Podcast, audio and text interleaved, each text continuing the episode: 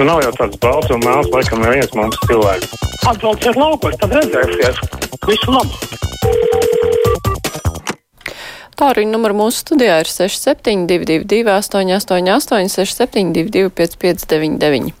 Varat mums sūtīt ziņas arī no mūsu mājas lapas. Imants ir atrakstījis tā. Apsveicu poļus ar vēlēšanu rezultātiem un novēlu izveidot ilgtspējīgu valdību. Izskatās, ka konservatīvisms ir sevi izsmēlis un Eiropā vairs nav modē. Tā mums Imants ir uzrakstījis. Bet es pacaušu klausulu. Labdien! Esat ēterā. Labdien! Es gribēju pakomentēt to, kas notiek tagad uz robežas ar Krieviju. Nu, es kāpēc daudz Ukrainas pilsoņu vēlas atgriezties atpakaļ Krievijā un laikam okupētajās Ukrainas teritorijās. Es sapratu, ka viņi muka uz Eiropu caur Krieviju, jo viņam citas iespējas nebija, bet ka viņi tagad atpakaļ grib tur, kur Moskava valda, tas ir ļoti jocīgi. Vai viņi grib varbūt karot pret saviem tautas brāļiem, kas ir pretējā pusē, vai viņi tur par savu īpašumu drep vai vēl kaut ko, es nezinu. Bet katram gadījumam aizstāvēt viņus nevajadzētu, palīdzēt viņam tur atgriezties nevajadzētu.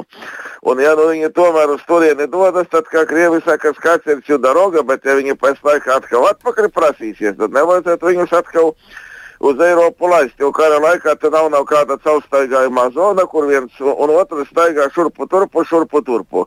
Un līdzjūtību izteikt viņam te nav nekādas vajadzības. Kārtīgi Ukraiņi, pat sievietes un pensionāri mēģina cīnīties pret okupantiem, mēģina viņiem kaitēt, mēģina viņam tur kaut vai, kā mēs zinām no ziņu dienesta informācijas indi iebarot vai vēl kaut kādā veidā. Bet ir tādi laimas meklētāji, kas to dara kā plantās apkārt, mēģina uz citu reikinu iedzīvoties un neko nedara, lai savu zemi no okupantiem atbrīvotu. Tie nav mūsu draugi un lai viņi iet pie Krievu kuģa un atpakaļ vairs nerādās. Paldies par uzmanību. Nu, jā, es uh, nezinu arī iemeslus, uh, kāpēc uh, cilvēki tīpaši tādā skaitā brauc no Latvijas caur Latviju uz Krieviju, kāpēc tieši Ukrainas pilsoņi to dara. Patiesībā man tas jautājums arī interesē. Es uzreiz neizteikšu, nemēģināšu minēt kaut kādus ļaunākos iemeslus, bet tas būtu ļoti interesanti uzzināt, kāpēc un kas tur ir darāms. Klausītājs mums zvana. Labdien! Labdien! Man ir tāds jautājums attiecībā par skolotāju algām. Nu, jo, kā saka, katru gadu piketi streiki, algu pieliek, pieliek, izrādās, kam pielikt, kam nepielikt. Uh, trūks skolotāju. Visā valstī trūks tādu un tādu skolotāju. Tāpat laikā, salīdzinot ar Eiropas Savienības vidēju, mums ir daudz vairāk skolotāju nekā Eiropas Savienībā uz vienu skolnieku. Nu, tad vai tur nebūtu jāsāk ar to patiešām atrast to cik tam mums tie skolotāji vajag, kādi vajag, un tā tikai runāt par algu pielikumu un, un tā savādāk, nu tā kā riņķa dansis sanāk visu laiku. Nu, valdība jau tā kā gribēja vispirms skolu reformu, tad pielikt algas, bet mēs jau nevaram tā sevi salīdzināt ar katru Eiropas valsti. Mums apdzīvotība valstī ir pavisam citāda nekā, piemēram, Vācijā, un iespējas aizbraukt uz skolu ir citādas, un to daudzai skolotāji rodas tāpēc, ka daudziem ir tās sīkās slodzes, jo nevar katrā priekšmetā savākt to slodzi, un tad tā sanāk. Bet uh, klausītāji mums uh, Imants raksta, vai tad Čakšas kundzei nebūtu laiks atkāpties savulaik medicīnas lai dēlī, nu, izglītības nozari, un Aivars raksta, iznāk, ka valdība uzmet skolotājus. Nu, ar tām algām gan būtu jātiek skaidrībā, kā var būt, ka kādam ir mazāk, pat nevis vairāk. It īpaši šajos apstākļos, kad viss ir dārgāks nekā pirms gada bija. Klausītājs zvana, labdien! Jā, labdien! Es jūs eh, runāju pa telefonu, kāpēc uh, Ukraiņa brauc projām uz Krieviju. Es par radio noklausījos, ka viena Ukraiņieta atbildēja tā, mēs gribam uz savu zemi aizbraukt, tāpēc ka Latvija maksā tikai 45 vai cik tur euriķi viņiem par maz, bet viņiem tur ir savas dārziņas un viņi vairāk labāk tur var dzīvot. Tā viena Ukraiņieta atbildēja pa televizoru. Kāpēc viņi brauc projām uz Krievijas no pēc zemēm.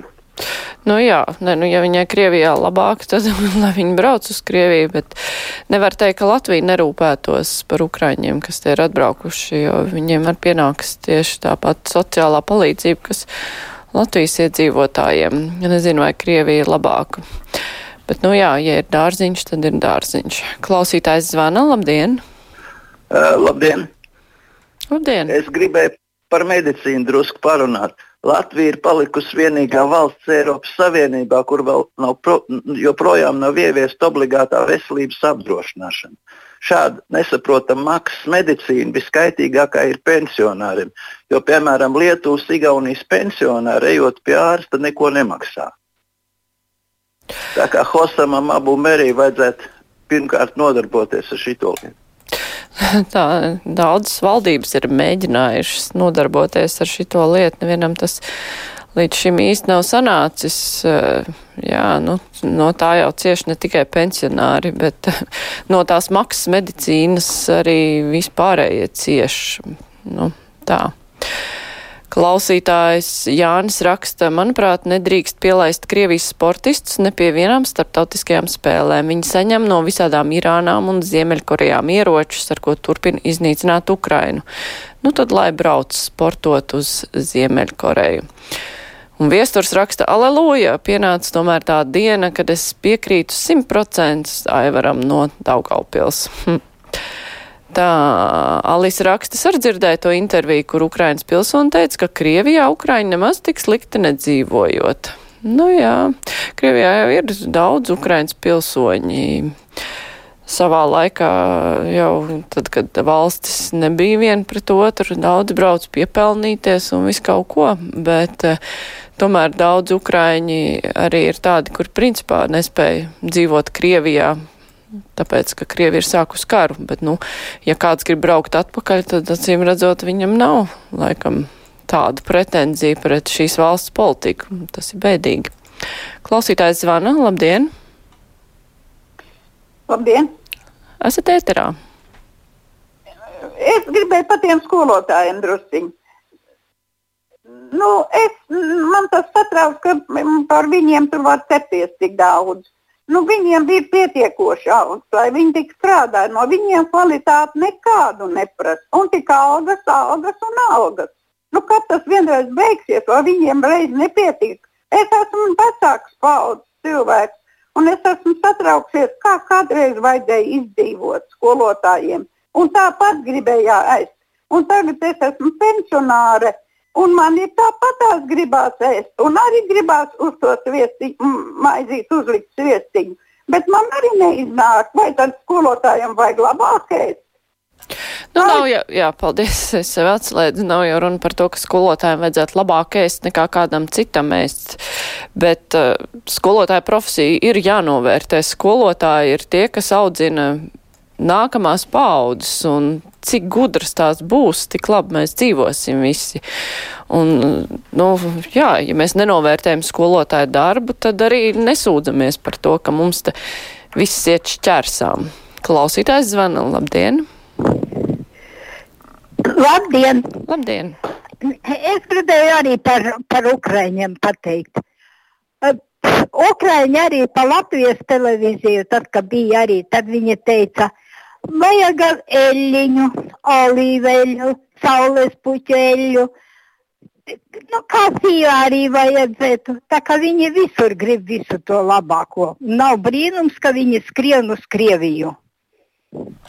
Nu, cilvēki ir dažādi gal galā, un arī Ukrainā nav jau tā, ka visai visā valstī visiem cilvēkiem ir vienots viedoklis par kaut ko un ka visi ir ļoti patriotiski. Tā jau nav. Cilvēki ir tiešām ļoti dažādi, ir, kurus interesē tikai eļļiņi un tādas lietas.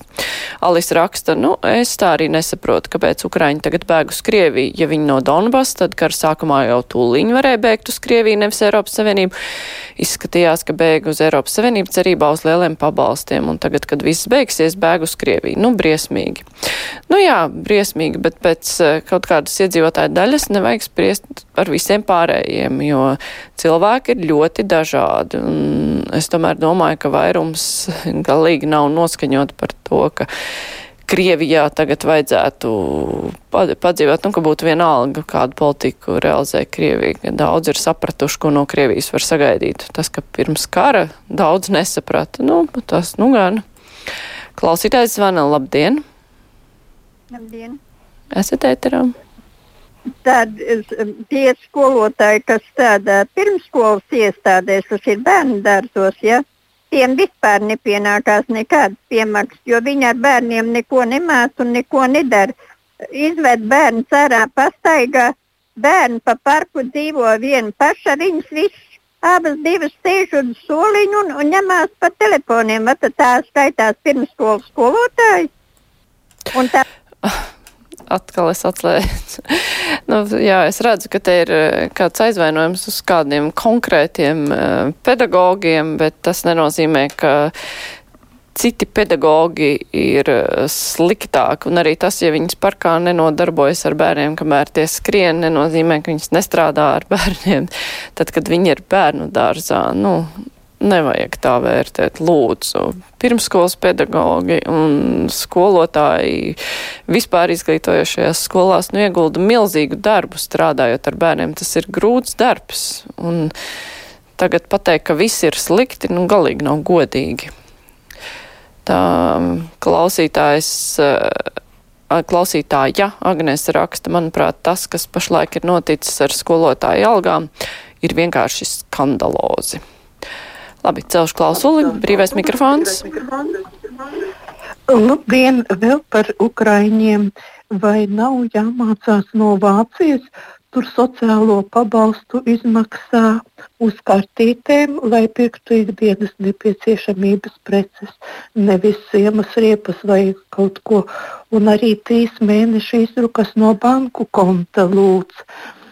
Un arī uh, tur man stāstīja arī viena sieviete, izdod dzīvokļus Ukrajinā, bet šeit iekasē mm, sociālo.